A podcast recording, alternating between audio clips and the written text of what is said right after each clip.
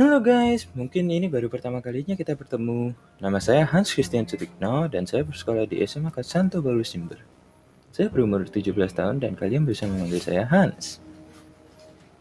Nah, sekarang kita mulai episode pertama ya guys, yaitu musik barat.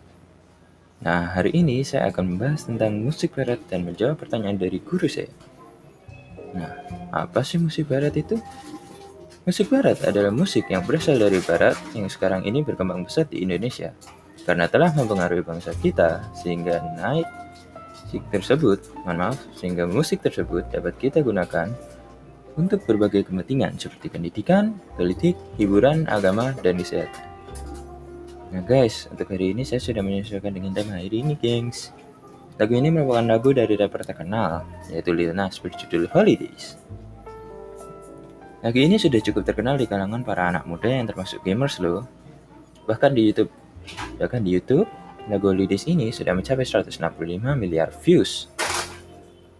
Nah, sekarang saya akan menjawab pertanyaan dari guru saya. Berikan penjelasan Anda mengapa musik barat yang berkembang di suatu negara tidak akan sama dengan negara lainnya. Oke, terima kasih Pak Leo. Jadi menurut saya, musik barat ini sudah terkenal akan keasikan dari musiknya.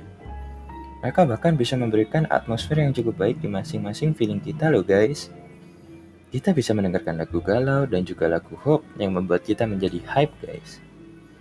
Jadi menurut saya, lagu barat lebih berkembang di pasarnya karena sudah digemari anak muda maupun kalangan orang tua kita pada zamannya.